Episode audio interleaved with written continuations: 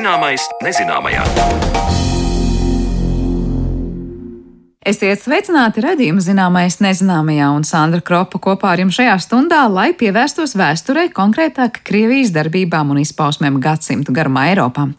Sākot ar tirgošanos aizvēsturē, beidzot ar šī gada iebrukumu Ukrainā, Eiropai jau izcenis ir bijis jārēķinās ar lielā kaimiņa milzīgu apetīti. Attiecības, kas veidojušās gadsimtu laikā, ir variējušas no puslīdz mierīgas līdzās pastāvēšanas līdz brutālam karam. Kāda ir bijusi Krievijas ekspansija Eiropā, par to runāsim šodien raidījumā, kad pievērsīsimies šim tematam veltītai konferencei, kas jau starp citu tūdaļ sāksies Latvijas kara muzejā un kuru varēs vērot arī Facebook platformā. Bet pirms tiekamies ar vēsturniekiem šeit studijā, ielūkosimies vēstures lapusēs, kuras stāsta pulvertorņa biezie mūri. Pulvertornis agrāk saukts par smilšu torni, savulaik bijis nozīmīgs Rīgas nocietinājuma elements. Agrāk te glabāti šaujampulveru krājumi, vēlāk atradies cietums, bijuši arī moku kambari. Tornī mituši arī baloži un studenti, un vairāk par šīs būvs vēsturi interesējās mana kolēģe Zana Lāca Baltalksne. Tad tepat iepratīm tagad muzeja garderobas telpām. O, mēs ieejam te tādā Pulveru torņa pagrabs. kupola veida. Te zem mūsu kājām ir apmēram 3,5 metri kultūras slānis, un pamati iet diezgan dziļi.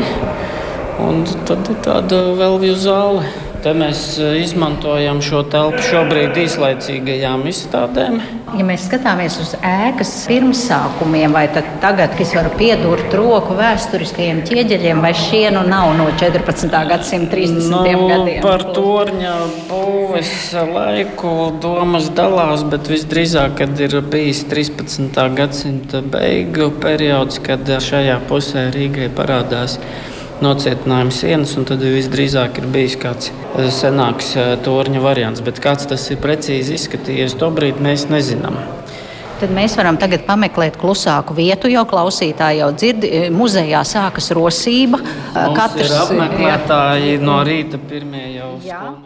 Vēstures avotos pulvertornis, jeb kā senāk to sauca smilšu tornis, pirmo reizi minēts 1330. gadā, kad rīdzinieki pēc zaudētas kaujas piekāpjoties Livonijas ordenim dala ietekmes zonas pilsētā un atdod smilšu torni. Torņa pagrabā, kur sākās ieraksts ar Latvijas kara muzeja ieroču un militārās tehnikas nodaļas vadītāju Daini Poziņu, tur redzamie ķieģeļi atbilst 16. un 17. gadsimtam, jo laika gaitā tornis ir cietis vairākos militāros uzbrukumos un vairāk kārt ticis pārbūvēts, tā kā no sākotnējām konstrukcijām te vairs nav nemiņas. Vienīgi vieta palikusi, kur reiz šis tornis ir sargājis smilšu vārtus, kas savukārt sargāja pieeju pilsētai pa smilšu ceļu, tagadējo smilšu ielu. Bet vairāk par būvis vēsturi un to, kas no šodienas informācijas ir mīti un kas ir patiesība, stāsta Dainis Poziņš. Saruna noris vienā no muzeja ekspozīcijas zālēm. Jūs esat pievedis mani pie kartes, kas ir Tā ir septiņ... uh, 17. gadsimta 30. gadu gravīra, kur ir redzams uh, smilšu tornis, ja pulvertornis. Visā savā gotībā saistībā ar Rīgas nocietinājumu sistēmu. Te ir senā viduslaiku sienas kontūra ļoti labi iezīmēta ar torņiem un parādīti jau ir jaunie Rīgas nocietinājuma bastioni. Un ieviešoties uguns šaujamieročiem, artērijai, nocietinājuma inženieriem bija jāatrisina problēma, kā nodrošināt efektīvu aizsardzību, veidojot jaunus bastionus. Un tad pulvertornim, smilštornim, kā to joprojām to brīdi sauc, tā nozīme ir sekundāra. Viņš vairs nav kā pats galvenais tas aizsarga elements, bet jau kā otrā aizsardzības līnija aiz Zviedru inženieru būvētajiem jaunajiem Rīgas pilsētas nocietinājumiem. Bet šajā 17. gadsimta gravīrā nu, tas tonis ir tādā veidolā, kāds tas ir šodien skatāms. Apaļš. Pielāgots artērijas izvietošanai, kas savulaik vēstures pētnieku vidū kopš 19. gadsimta vidus un otrās puses bija neliels strīds par to, kāda ir bijusi šim tornim konstrukcija. Bija viena no versijām, ka tas esot bijis pakāveida, bet mēs no vēstures avotiem zinām, ka 1868. gadā ir bijis nobrukums torņa iekšējā sienā. Un spriežot pēc šiem vecajiem attēliem, visdrīzāk pamatkonstrukcija tornim tomēr ir apaļa. Noslēgt, un tornis varēs nodrošināt aizsardzību 360 grādu leņķī gan uz ārpusi, gan gar nocietinājumu sienas mūriem, un uz vārta pusi, gan arī uz pilsētas pusi. Torņa sienās var redzēt iemūrētas lodes, kas reizumis kļūdaini tiek uzskatīts par oriģinālām Ziemeļu kara lieciniecēm, taču tās ir iebūvētas tornī daudz vēlāk. Tāpat arī informācija par tā sauktajiem ložu ķērājiem, vairākus metrus bieziem griestiem artilērijas šāviņu uztveršanai, arī ir maldīga. Nu, tā ir vairāk kā leģenda un konstruktīva. Principā tā ir torņa augšējā daļa, bet uh, ir jāsaprot, ka artilērija arī kopš saviem pirmajiem dienām ir ļoti spēcīgs uh, ierocis un tāda konstrukcija, koka konstrukcija vai mūra konstrukcija, uh, ilgstoši bombardēšanu neizturēta. Un viens no iemesliem, kāpēc šāda torņa veida konstrukcijas sāka nomainīt, ir tieši artilērijas darbība. Un rīznieki par to pārliecinājās jau 1621. gadā, kad Zviedru karaļa Gustavs II Adolfu izvēlējās pulverturņu smilšu vārdus par galvenā trieciena virzienu uzbrukumam Rīgai. Viņi intensīvi bombardējot torņa augšējo daļu sagrāva ar artilērijas palīdzību. Tad es saprotu, ka augšējā daļa ir atjaunota un tonis vairāk. To jau, to jau izdarīja Zviedri pēc tam, kad viņi bija Rīgi ieņēmuši. Viņiem viens no darbiem bija atjaunot bojājumus nocietinājumu sistēmā. Torņa izskats arī ir fiksēts 17. gadsimta sākuma gravīrās un dokumentos, un arī aprakstos, kā tas ir noticis. Man skaidri redzams, ka tornis ir apaļš un diezgan ilgu laiku vēl turpina kalpot Rīgas nocietinājuma sistēmā. Bet tās bumbu ložu pēdas, kas tagad ārpusē apskatās, nu, tas ir dekoratīvs tas elements. Tas ir 19. gadsimta beigas, kad uh, Rubonijas korporācija pārņem torni, tad, lai pastiprinātu dramatismu, tad uh, tornī iemūrēja lodes, un tas arī saglabājās jau 20. un 30. gados un līdz pat mūsdienām. Protams, kad neviena normāla izšauta lielgabala lode tādā veidā torņa sienā nepaliek. Šķieģelis sadrūp un tā lode visdrīzāk atsitās, izsit robu un nokrīt visdrīzāk zemē. Arī nav precīzu ziņu par to, vai torņa pagrabā ir bijis cietums un moku kambari. Iespējams, bet pārbaudītu faktu par to nav. Skatot tālāk torņa vēsturi, kā teica Dainis Poziņš, tad 18. gadsimtā varas iestādes iespēju robežās pakāpeniski veids nepieciešamos darbus nocietinājuma atjaunošanai, un remonts ir bijis nepieciešams arī pulvertornī. Kāds 1737. gadā tapis dokuments vēstīja, ka torņa augšējā daļa ir ļoti sagrauta un dažāda apjoma remontus un pārbūves darbus pulvertonī veica vairāk kārt arī vēlākajos gados. Bet torņa pagrabā turpināja glabāt šaujam pulveri. Un visdrīzāk tieši tāpēc laika gaitā tornis ieguva savu jauno nosaukumu Pulvertornis. Skatot tālāk torņa attīstības gaitu, nonākam pie 19. gadsimta nogales, kad diezgan bēdīgā paskatā esošo būvi savā pārziņā pārņem Vācu Baltiešu studentu korporācija Rubonija. Studenti torni atjauno un iekārtoti savas konventa telpas. Tā militārā funkcija zūd 19. gadsimta vidū. Diezgan ilgu laiku turnis stāv praktiski neizmantots, ir sabrucis jumts un arī tas iebrukums uh, uz pilsētas pusi veidojās tāpēc, ka tornis netiek eksploatēts, lietots vienkārši nokrišņi bojām mūrus, un tas uh, cieši un rubonī tas ir tas jaunais īpašnieks, kas tam tornim uh, piešķira dzīvību un faktiski izglābj un tādas lēnas sabrukšanas. Nu jā, ļoti grūti iedomāties, kāds tas tornis ir bijis, kad te ienāca studenti. Jūs domājat, ka saglabājušās vairākas fotogrāfijas no tā brīža, kad notiek šie būvdarbi. Nu, paskats ir bijis kā pamestā ēkā bojāti. Grieztu pārsegumi, nobrukuši mūri, mitrums, nokrituši būvgrūži un faktiski Rubonī to torni atjaunojot, izglābja šo ēku no tālākas sabrukšanas. Un, protams, viņi arī veido to grazno neogotikas stila jauno fasādi. Tas izbrukusī daļa tiek aizvērts otri, tur izveidot ļoti grazna fasāde ar tādiem interesantiem arhitektūras elementiem, un viņš šo torni izmantoja diezgan ilgu laiku kā savu rezidenci. Patiesībā tāds tornis bija diezgan ilgu laiku, vēl līdz pat 30. Eh, gadu vidum kad šeit atradās kara muzejs. Ilgu laiku viss šī muzeja darbība bija tikai vienā pašā turnī. Un tās jaunās ēkas, kas piebūvēja klāt, tas jau ir 30. gadu otrās puses, kā teikt, Latvijas valsts ieguldījums, paplašinot Latvijas kara muzeju. Bija skaidrs, ka kolekcijas ir pieaugušas iespējas ir pieaugušas, un, un turns ir vienkārši par mazu, lai parādītu Latvijas militāro vēsturi. Tika uzbūvēta jauna Latvijas kara muzeja ēka, kuru mēs izmantojam arī mūsdienās.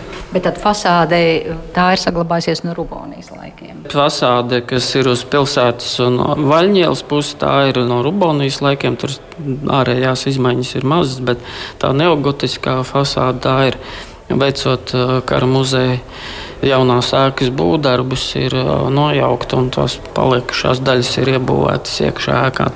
Atgriežoties vēl pie laikiem, kad studentu korporācija te ierīkoja savu māju vietu, tīrot torni no gružiem, studenti atklāja lielā daudzumā baložu mēslus, kas bija palikuši pāri no iepriekšējiem spārnotajiem torņa iemītniekiem. Jauniešiem tolaik šis atradums nesa labu peļņu. Pēc atskaitēm sanāk, ka viņi 640 rubļus ir nopelnījuši, ko varējuši izmantot torņa remonta darbiem. Jo tobrīd papildus mēslojums, lai iegūtu lielāku ražu, tas ir diezgan tāds relatīvi nesens atklājums, un šādiem mēslojumiem bija diezgan laba cena. Vai muzejs toreiz, ja mēs runājam, jā, kāpēc bija ideja tieši šajā tornī ierīkot muzeju? Nu, acīm redzam, piemērota vieta pilsētas centrā, un no, tornis jau nav noslēpums, ka tas ir pietiekami labi redzams objekts, un gan to lai, gan mūsdienās tas piesaista cilvēku uzmanību arī turistu uzmanību, un, ja ir brīva telpa, kur var izvietot to brīdi vēl nelielās ieroču kolekcijas, kas bija kara muzeja rīcībā, vēstures relikvijas, tad eh, kāpēc gan to neizmantot? Kopš 1919. gada pulverturnī atrodas kara muzejs, un kopš tā laika gan ēkas saturs, gan arī tās veidols glabā nozīmīgu daļu mūsu vēstures. Dainis Poziņš teica, ka savulaik 16. gadsimtā toreizējā Rīgas pilsētas teritorijā bija 25 torņi, un šodien tik dažu torņu vietas ir uzminamas, vai nelielas atliekas sniedz liecību par tiem, un tāpēc pulvertornis ir rets izņēmums, kas joprojām piesaista cilvēku uzmanību. Tik tālu par pulvertorņa vēsturi, bet par Krievijas varu un tās izpausmēm Eiropā dažādos vēstures posmos saruna pēc brīža.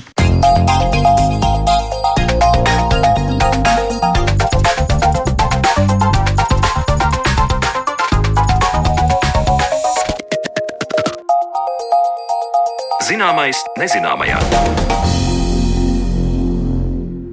Krievijas izvērstā kardarbība Ukrainā no jauna mudinājusi vēsturniekus stāstīt pasaules sabiedrībai Krievijas vēsturi. Tam veltīta arī konference, kas norisināsies turpmākajās dienās kara muzejā, un īpaši uzmanība tajā būs pievērsta tām Krievijas vēstures lapusēm, kas saistīta ar karu, Krievijas varas interesēm un ekspansiju Eiropā. Par to visu šodien uz sarunu esam aicinājuši mūsu studijā arī vēstures zinātņu doktorus. Tātad pie mums šodien ciemos ir Latvijas Universitātes vēstures filozofijas fakultātes asociētais profesors Andris Šnē. Labdien! Sveicināti! Arī Latvijas kara muzeja direktora vietnieks pētnieciskajā darbā Juris Cigānovs. Labdien! Labdien! Es sākšu uzreiz par to aktuālāko, ar to, ka sākas šajās dienās starptautiska konference veltīta šiem jau manis ieskicētajiem jautājumiem, un uh, paskatījos to dalību valstu lokā. Nu, liekas, un gribas teikt, Baltijas valstis, tur bija Polija, arī Ukraina, Somija, nu tās, kas vistuvāk, laikam, Krievijai, un parasti, kuras saka, nu, kas ļoti labi saprot, kā tā Krievija uzvedās brīžiem, un jāsa, jāskaidro citām valstīm, ko tad no Krievijas sagaidīt un nesagaidīt. Ieskicējiet, kas ir šīs starptautiskās konferences vēl dalībnieki, ko jūs runāsiet un kāpēc tieši šīs valstis izvēlētas. Andris, sākšu jums. Nu, tā konferences doma un pamat ideja, kāpēc mēs arī uh, gan, gan Latvijas kara muzejs, gan arī Vēstures un filozofijas fakultāte uh, organizējam šo konferenci, ir pievērst uh, sabiedrības visu interesantu un arī pētnieku uzmanību aspektiem, kas ir saistīti gan ar šodien aktuālo ģeopolitisko situāciju, gan it īpaši ar pagātnes notikumiem un norisēm. Jo jautājumi par to, kādas ir veidojušās attiecības starp Krieviju un tās kaimiņu valstīm, tās mēs varam izsekot jau kopš viduslaika sākuma posma, un par to arī, arī būs mūsu konferencē runa, līdz pat, līdz pat mūsdienām. Un tās lielā mērā ir bijušas balstītas uz šo ekspansijas modeli, uz teritorijas paplašināšanu, ietekmes izvēršanu, un, protams, ka tās valstis, kas atrodas Krievijas pierobežā, kā Baltijas valstis, kā Somija, kā Polija, kā Ukraina, tās pavisam noteikti arī ir tās, kas ir visciešāk vēstures gaitā, gan viduslaikos, gan jaunajos laikos, visciešāk saskārušās un arī izjutušas šo spiedienu un šīs Krievijas uh, intereses. Uh, tāpēc Tāpēc lielā mērā jau šie pētnieki, kas piedalīsies mūsu konferencē, pārstāvēs nu, teiksim, šo Krievijas uh, pierobežu telpas reģionu. Tomēr nevarētu teikt, ka uh, šis jautājums būtu aktuāls un nozīmīgs tikai šim reģionam, uh, jo uh, tiešām par to, kāda ir Krievijas vēsture un kādi ir tie attiecību modeļi gadsimtu laikā ar, ar dažādām arī, arī teiksim, ārpus Eiropas uh, valstīm un reģioniem, nu, par to tiešām šobrīd ļoti aktīvi un aktuāli uh, diskutē, risina uh, jautājumus konferencēs, diskutē uh, visdažādākajās jomās. Jā, es domāju, tiešām gan daudz valsts šobrīd šobrīd pasaulē ir tās, kas uzdod šo jautājumu, kāda tad ir bijusi Krievijas uzvedība un idejas un domāšana un skats vispār uz pasauli dažādos laikos. Juris, jums vaicāšu, kā jums liekas, nu tā tematiski ieskicējot to loku, par kurām tēmām tiks runāts turpmākajās dienās. Vairāk tie ir viduslaiki, vairāk tie ir jaunie laiki, par kurām jomām jums liekas tuvāk komentēt nu, to saturu. Jā, kā Andris teica, protams, mēs tā, mūsu konferences šos te tematus ieskicējam jau no viduslaikiem. Un ejot cauri gadsimtiem, tad mēs nonākam arī līdz, līdz mūsdienu Krievijas federācijai, līdz, līdz, līdz neopadomismam, līdz neopadomju neorevanšismam, ko arī var iezīmēt mūsdienu Krievijas ārpolitikā. Un, un, un manā, man jau liekas, nu, protams, es neesmu šaubām dzirdējis šos referātus, bet cik tiežveidīgi es tos esmu ar viņiem iepazinies, tad, tad nu, caurvijot tā ideja tāda, ka tā Krievijas ārpolitika, lai kā Krievijas valsts arī sauktos, vai tā ir uh, Krievi, Maskavija, vai tā ir Krievijas impērija, vai Krievijas uh, uh, padomu Krievija, vai padomu savienība, vai Krievijas federācija. Tā ekspansionistiskā nots šīs valsts ārpolitikā nekur nepazūd.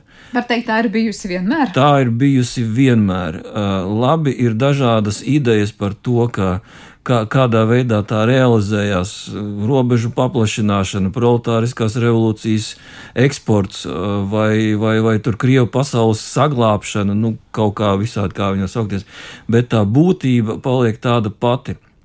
Un tas ir tas, ko mēs, nu, varētu teikt, šis austrumēropiešu, centrāla eiropiešu bloks, vēsturnieku bloks, varam arī nest pasaulē šo, šo ideju, ka uh, no, vēstur, no šīs vēstures jāmācās, jāmācās no attiecībām ar Krieviju. Un kurš to labāk zinās, ja ne Krievijas šie kaimiņi, kaimiņi, kaimiņi jā, nu, gal galā, ja kurpe spiež, tad mūs vistuvāk viņi spiež tā kurpe. Tas būs arī tas, tas mūsu vēstījums, ka Nu, paskatieties, nu, nu, diemžēl 20. gadsimts un 19. gadsimts šajā jomā ir bijuši vairāk vai mazāk vienādi. Un, un, lai cik tas arī bēdīgi nebūtu, 21. gadsimts nes tieši tādus pašus vēstījumus, ko neviens no pat negaidīja pēc ne tikai 27. februāris, bet arī 2014. gads, arī Grūzijas notikumi 2008. gadā. Vēl var nosaukt veselu virkni notikumu. Nu, tās ir tās, eh, nezinu, atskaites punkti vēsturē, kurā likās, nu, laika mašīna tā, tā jau ir aizgājusi, tā vairs nebūs, bet likums eh, par pārliecinātu. Jā, jā, nu, tieši tas, eh, tas bija tas, tas moments, piemēram, 40, 1940. gadā, tad, kad uh, notika militāra Baltijas valstu okupācija, uh, tad uh, tie, kas aicināja, nu, no tribīnes aicināja uh, paskatīties uz padomju savienību, ka tā noteikti nav tāda pati kā 1919. gadā, bet beigās izrādījās, ka tieši tāda pati tā, tā padomju savienība ir, ka, ka Krievija nebūtu nav mainījusies kopš, kopš 1919. un 1920. gada, kad pēdējais karš bija ar padomju Krieviju, un, un aicinot uh, nebaidīties no tā, ka mēs tapsim iekļauti padomju savienībā šie, šie mūsu tā saucamās tautas valdības un tautas saimnes aicinājumi, ka nebūs te ne, ko, ne kolektivizācijas, ne, ne, ne represiju, nekas, ka padomju savienība ir normāls, izrādījās, ka nekā nebija. Un, un visas tās lietas mēs šobrīd varam novērot Ukrainā. Uh, cik, protams, jūs ieinteresējāt, pavisam noteikti klausīties te katra jūsu referentu šajās konferences dienās, bet nu, cik nu mēs varam radio raidījumā ieskicēt tādas galvenās līnijas, es nezinu, vai secinājuma sadaļā, vai jūsu pašu pārliecībās, kā jūs atbildētu uz to jautājumu, nu, kāpēc Krievijai tā ir? Kāpēc šīs imperialistiskās intereses te no viduslaikiem ir bijušas klātesošas, un vai jūs teiktu, ka tas ir kaut kas unikāls šim konkrēti pasaules reģionam un šai valstī? Grūti teikt, vai unikāls. Es laikam izvairītos vispār lietot šo apzīmējumu unikāls un unikalitāti attiecībā uz kādiem vēstures reģioniem vai vēstures procesiem.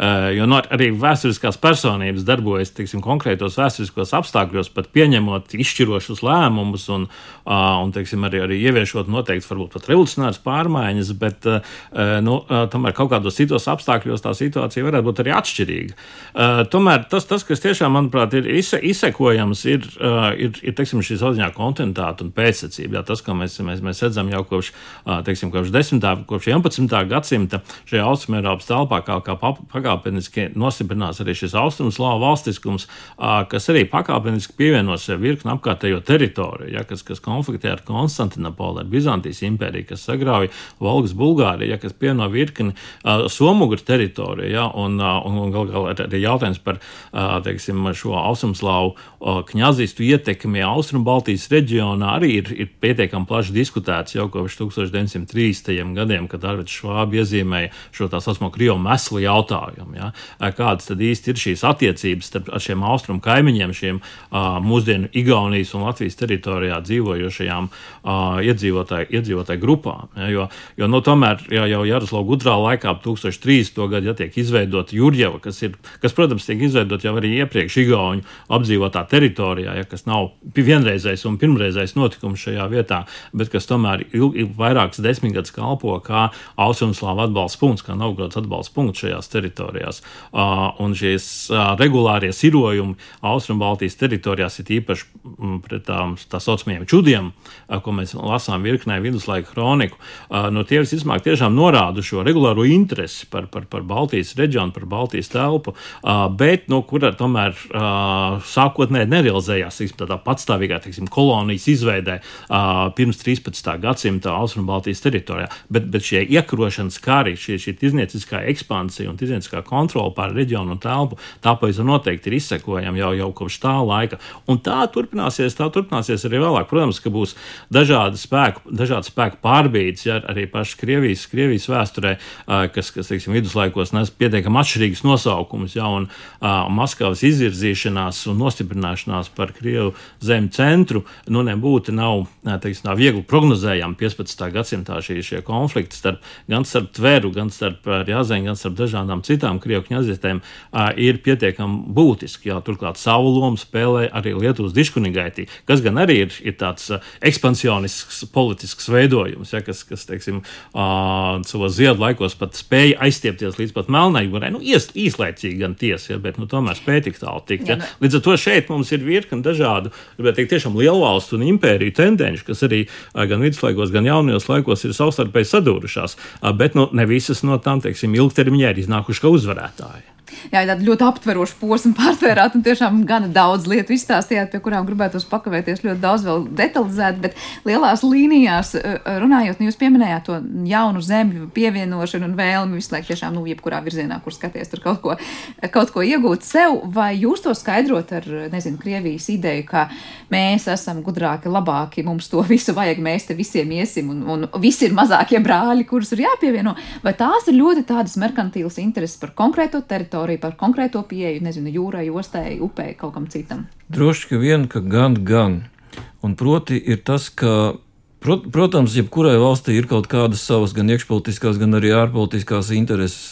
Mazām valstīm tās varbūt ir mazākas, bet lielām valstīm tās ir, tās ir lielākas. Jā, visām lielajām impērijām bija šis te. Nu, šī agresīvā, ār, ārpolitiskā tā, tā sastāvdaļa. Ja? Bet tas ir vairāk raksturīgs no tādiem senākiem laikiem. Mūsdienās, modernā pasaulē, Nu, mēs varbūt drusku savādākās kategorijās mēģinām domāt, bet mūsu austrumu kaimiņiem šīs kategorijas ir palikušas nu, faktiski tādas pašas kā Andra pieminētajos drūmajos viduslaikos. Kas nemaz nebija tik drūmi. Tas nemaz nebija tik drūmi, jā, jā, bet, bet Bet šī koloniālisma politika Krievijas impērijā tā izpaudās drusku savādāk nekā, piemēram, tajā pašā Lielbritānijā, no apvienotajā karalistē, kur iekaroja varbūt tās zemes Āfrikā, Āzijā, Amerikā un, un, un vēl citos kontinentos, bet Krievija pievieno sev blakus esošās teritorijas. Un, un, un tā kontinuitāte saglabājusies. Es domāju, ka kopš Krievijas impērijas laikiem aiz tā, ka Krievijas valdošai elitei Tas ir ārkārtīgi nepieciešams. Nu, šajā gadījumā, ko mēs mūsdienu Krieviju varam uzskatīt par tādu padomju savienības eh, drusku mazāku, bet kopiju, eh, jo Krievijas politika attiecībā pret kaimiņu valstīm ir tieši tāda paša kā padomju savienības politika attiecībā pret Austrum Eiropas sociāliskā bloku valstīm, piemēram, tikai, nu, teiksim, tur Bulgārijas, Čekslovākijas un Rumānijas vietā tagad varbūt tās ir Ukraina, Gruzija un, un, un citas valsts, Moldova. Un, un tas nozīmē, ka valdošai elitei ir nepieciešams šāda veida karš, šāda veida politika. Putina režīmam tas ir nepieciešams nu, pirmkārt, lai pašsaglabātos. Noteikti, ka ir kaut kādas arī oligarhiskas intereses attiecībā uz blakus esošajām teritorijām, bet ir jāatcerās, ka Krievijā oligarhi ir, ir tā sakot, mākslīgi uzaudzēti, ja tā var teikt. Nu, tie, ir, tie ir režīma oligarhi. Viņi Krievijā nevar būt oligarks, kas uh, ir neatkarīgs. Viņam ir jābūt uh, kaut kādā saistībā ar valdošo režīmu. Un tas arī nosaka to, to, to ārpolitiku. Man, nu, tas ir, protams, manas domas, bet uh, tā kontinuitāte ir izsekojama. Jā, Andri, kāds jums versijas, kāpēc nebeidzās Krievijai kaut kādā brīdī tā ideja, ka nu, pietiek uh, pret kaimiņiem izturēties tā? Es domāju, ka versijas šeit katrs pētnieks katrā pētījumā un konferencē varēs izvirzīt dažādas, bet uh, es gribēju pievērst uzmanību vienam aspektam, ko, ko varētu varbūt nosaukt par, par ideoloģizāciju un par vēstures un pagātnes izmantošanu. Būtībā arī, arī noteiktā laikmeta aktuālo ārpolitisko mērķu gan pamatošanā, gan izvirzīšanā, gan arī leģitimēšanā. Un vēsture gan, gan, gan, gan, gan Krievijas impērijā, gan arī, arī 20. gadsimtā Padomju Savienībā un Krievijā ir spēlējis ļoti spēcīgu ideoloģisku lomu. Ja tas ir bijis savā ziņā, tas, tas varētu teikt, vienojušais narratīvs, vienojušais stāsts, ja, ar kur arī mēģina pamatot virkni dažādu ideju un notikumu. Ja, un šie, šie atslēgas punkti, par kuriem kuriem pievērst uzmanību, ja tie jau var, atkal iezīmēsies jau viduslaika beigās. Ja kaut kādā tas stāsts par Vladimiru, tā saucamo svēto, ja, kurš esot ap 988. gadu kristījis Krievzem, ja, respektīvi ievies šo austrumu uh, grieķu uh, ticību, kristīgo ticību uh, slāvu teritorijās. Uh, šis stāsts jau sāk veidoties būtībā neātrāk par 15. gadsimtu, ja, bet tad tas iegūst savā ziņā tādu kanonisku statusu. Ja, vai arī stāsts par, par leduskauju un par ņevaskauju, ja šiem uh, Aleksandra Ņevska, uh, Novgorodas vadoņa uh, izcīnītajām uzvarām, ja, kuras tiek izteikti glorificētas un par kurām arī tiek nu, būtībā stāstīt jau politizēti un ideoloģizēti stāsti. Ja, un, un jautājums par Ņevas kauju iegūst īpašu interesi tajā brīdī, kad mēs pastāmies, ka skandināvu avotu vispār par to neko nemin, ja, šo, par šo konfliktu starp Novgorodiešiem un, un Zviedriem. Ja. Līdz ar to iespējams, ka tas šajā vēlākajā laika posmā, 16. un 17. gadsimtā, nu, jau iegūst atkal šo ārpolitikas instrumentu lomu un funkciju. Ja. Līdz ar to tur nav tikai, es domāju, pragmatiski pragmatiski apsvērumi, tur visam noteikti ir arī ideoloģiski apsvērumi, ja, kāpēc noteikts ārpolitiskās eh, kolīzijas notiek. Ja, līdzīgi tāpat kā Laigēta, arī, arī teiksim, gan Ivans Bargais, gan Pēters, ja Piotrs I, ja, nu, viņi arī ir spēlējuši tīri personisku lielu lomu kaut kādu viņu personisku attieksmi pret dažādiem procesiem un reģioniem, ja, un pret tā saucamiem nosacītiem rietumiem arī uh, ir spēlējuši savu lomu, ja kāpēc tā politika tiek īstenota tāda.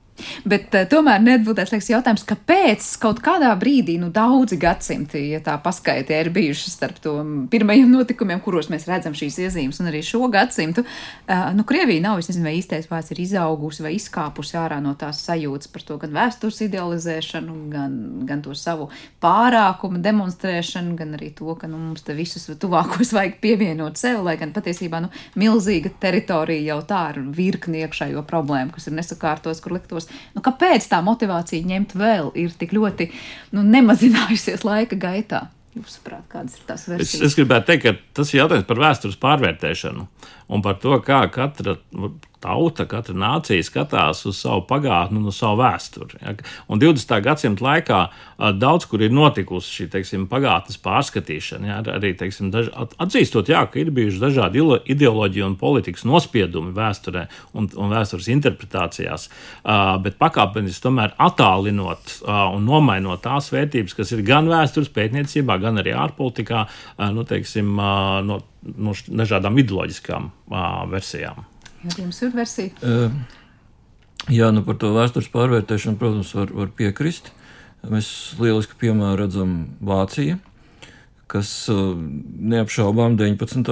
gadsimtā un kopš savas izveidošanas kā vienota valsts 19. gadsimta beigās līdz pat otram pasaules karam, līdz otrā pasaules kara beigām neapšaubām bija agresīva valsts ar tieksmi pievienot uh, kaut kādā veidā sev apkārtējās teritorijas piedāvām, pamatojot šo pievienošanu ar tādiem vai šādiem ideoloģiskiem apsvērumiem, kas no mūsu redzes viedokļa varētu būt pat absurdi, ja, par dzīves telpu, nepieciešamību vāciešiem un tā tālāk, kas, kas, kas, kas, kas toreiz bija aktuāli, bet šoreiz tas viss no Vācijas viedokļa ir aizmirsts un pārvērtēts. Nu, neaizmirsts, ne, nevar teikt aizmirsts, pārvērtēts.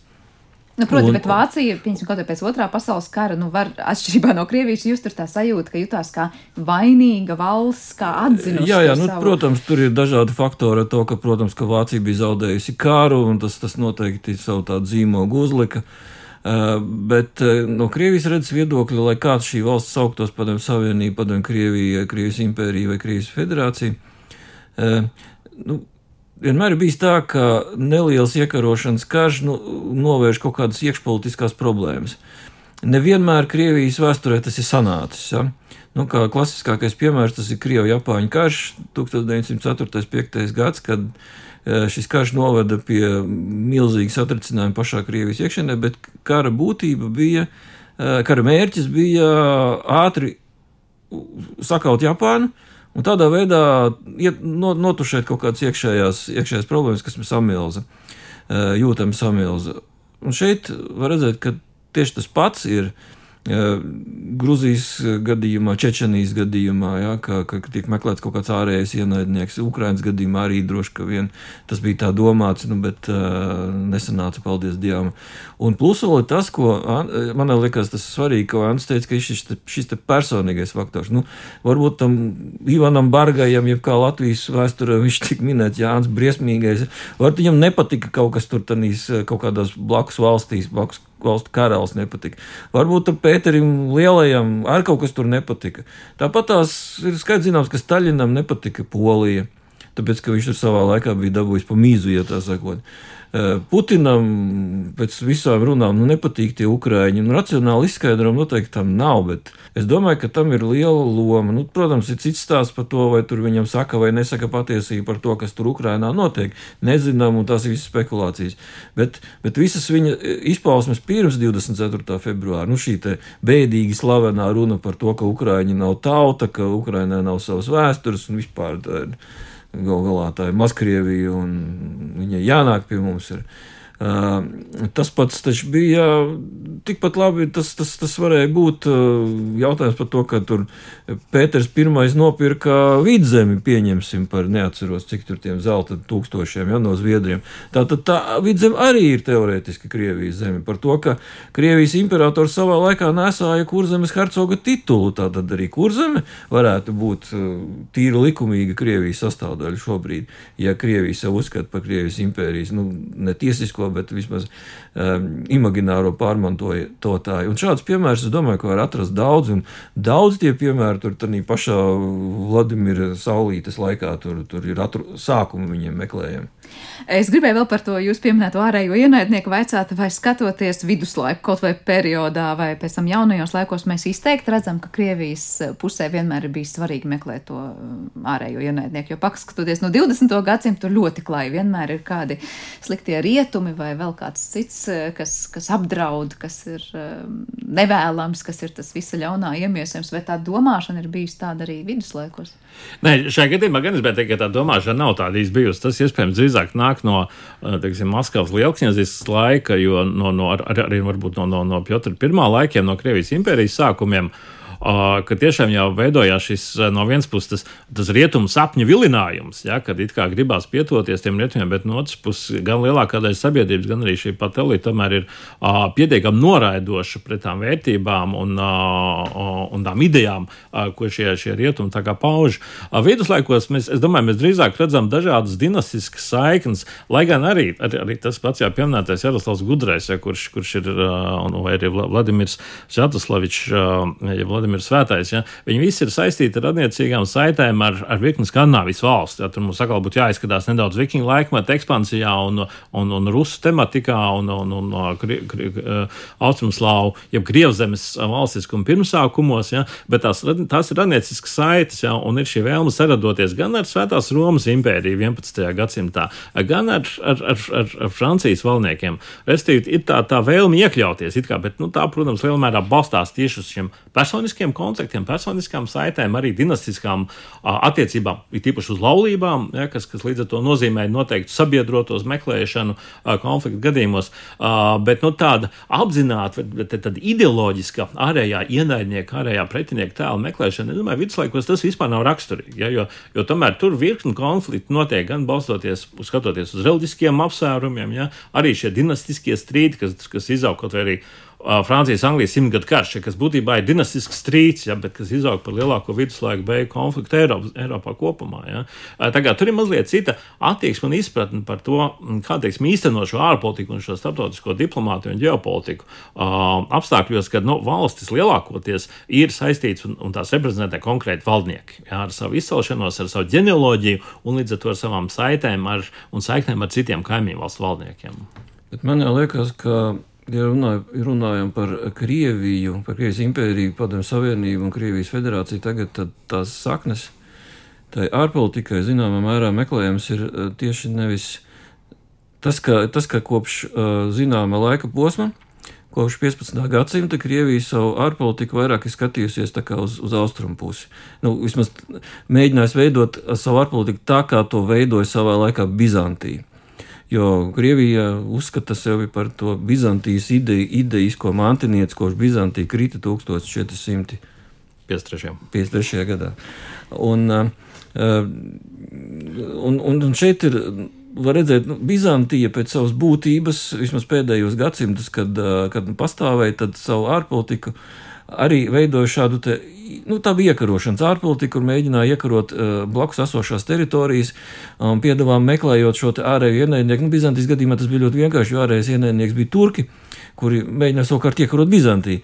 Un uh, tad, kad turki to beigās izdarīja, tad uh, notika pilnīga, tā sakot, debizantizācija, ja, ja tā var teikt. Proti, viss bizantiskais tika vienkārši aizliegts, noslaucīts, uh, ignorēts, nu, gal galā mēs visi zinām Krievijas at, lielos plānus attiecībā, lielos pēļņas, lielos plānus attiecībā uz Ukrainu šobrīd, ko, kas jau ir bija tāda vairākas reizes tur tā uh, pasprukuši šur tur Krievijas mas mēdījos, kur pie mums, paldies Dievam, ir aizliegti.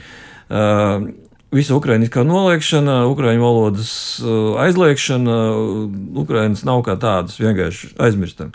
Uh, nu, paralēls ļoti izteikti vēl. Jā, tieši, tie, tieši, tieši tā. Un, Un neraugoties uz to, ka tiešām tā Krievijas elite nu, vienmēr uz tiem rietumiem bija tiekusies. Nu, Galu galā 19. gadsimts visa Krievijas aristokrātija runā kādā valodā, franču valodā tā runā.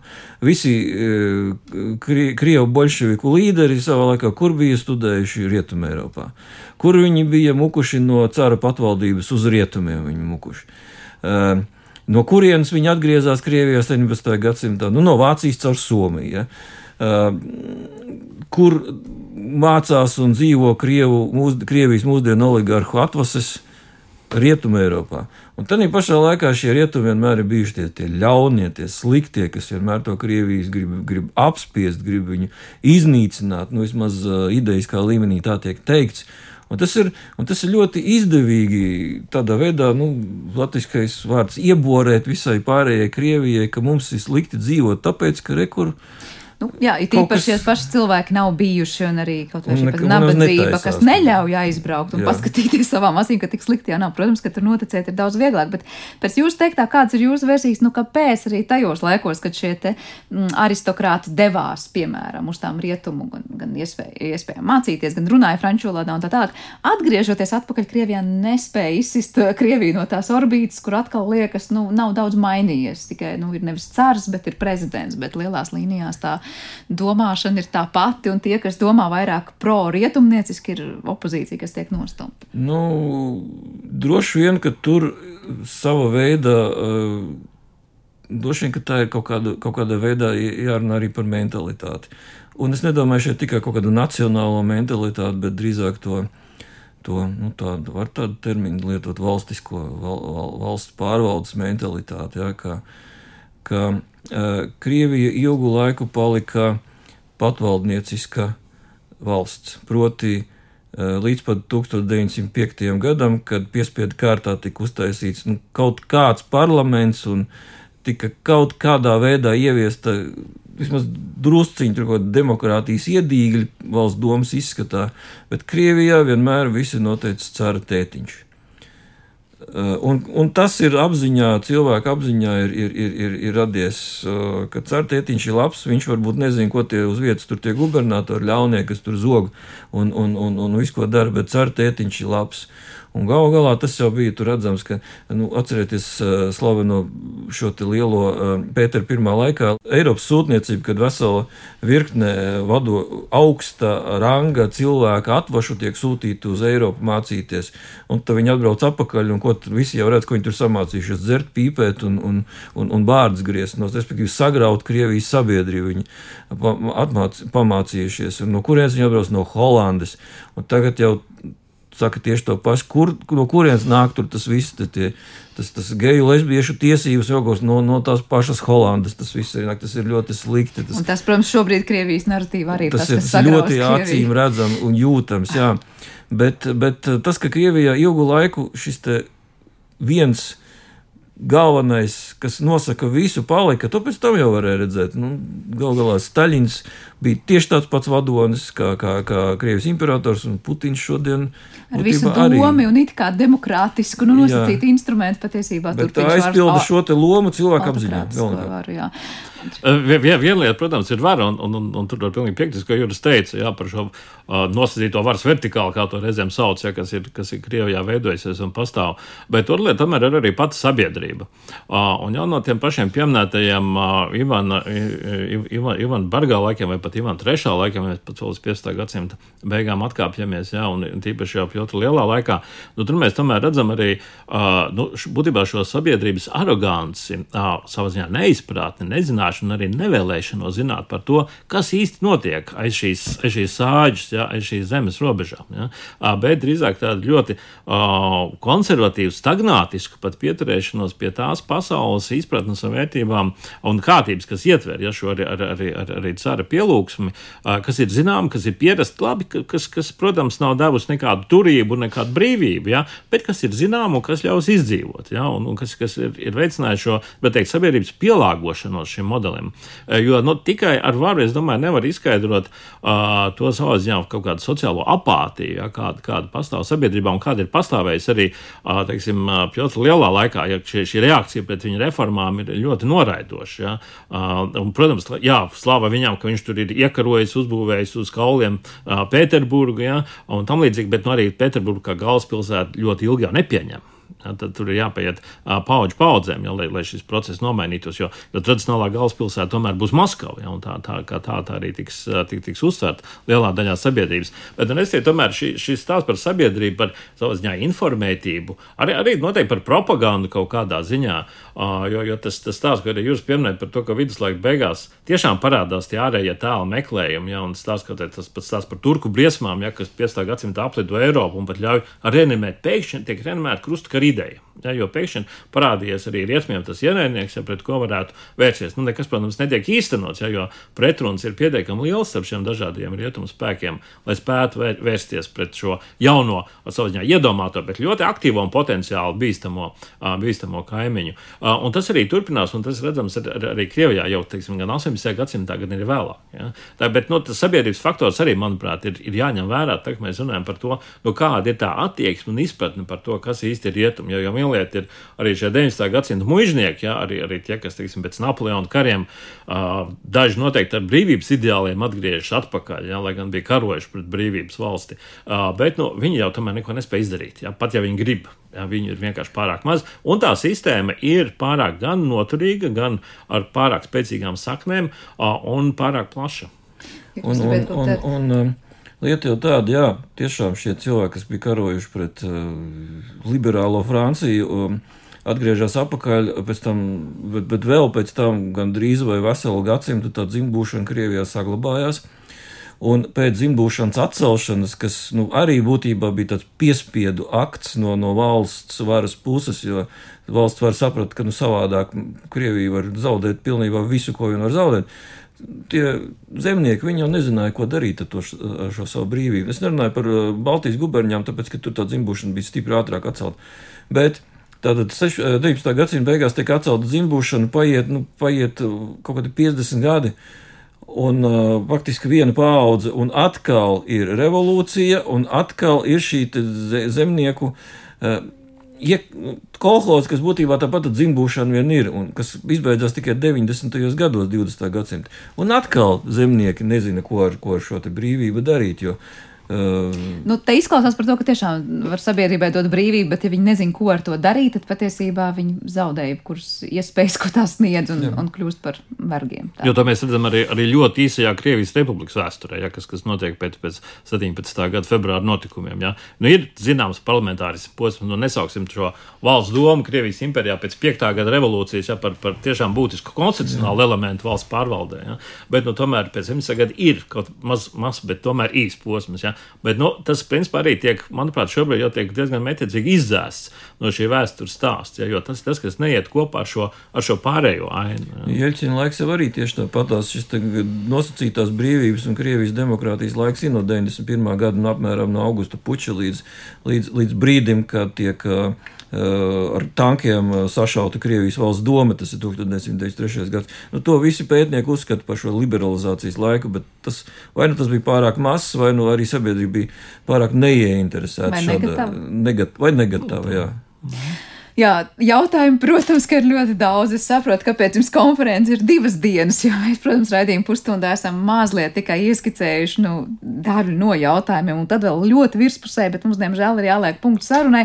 Protams, ka noslēgumā gribētos prasīt, vai skatoties šo daudzu gadsimtu vēsturē, mēs varam, precīzāk, jūs vēsturnieki varat vairāk prognozēt Krievijas tālākās rīcības, un te atkal gribas teikt, nu jā, par to, kā prognozēt Krieviju, laikam arī kopš 24. februāra mēs esam pārliecinājušies, ka nevar nekādīgi pretīgi vai pretēji. Ne, tieši saka, tieši no var, 24. februārs ja parādīja, ka kaut kādā otrādi. veidā var to prognozēt. Bet, Negribētos gan, bet, bet var.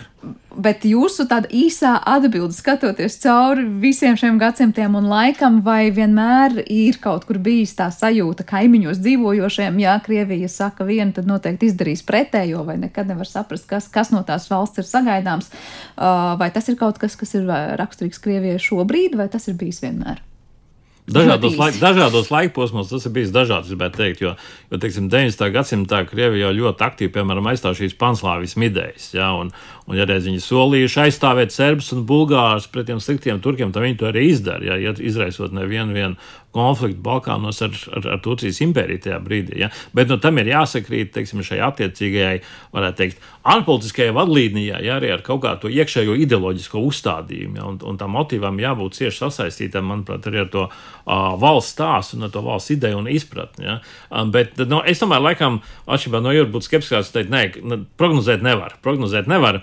Protams, mēs varam skatīties pagātnē, nu, mums ir jāskatās uz pagātni, lai, lai mēs varētu varbūt izdarīt minējumus. Ja?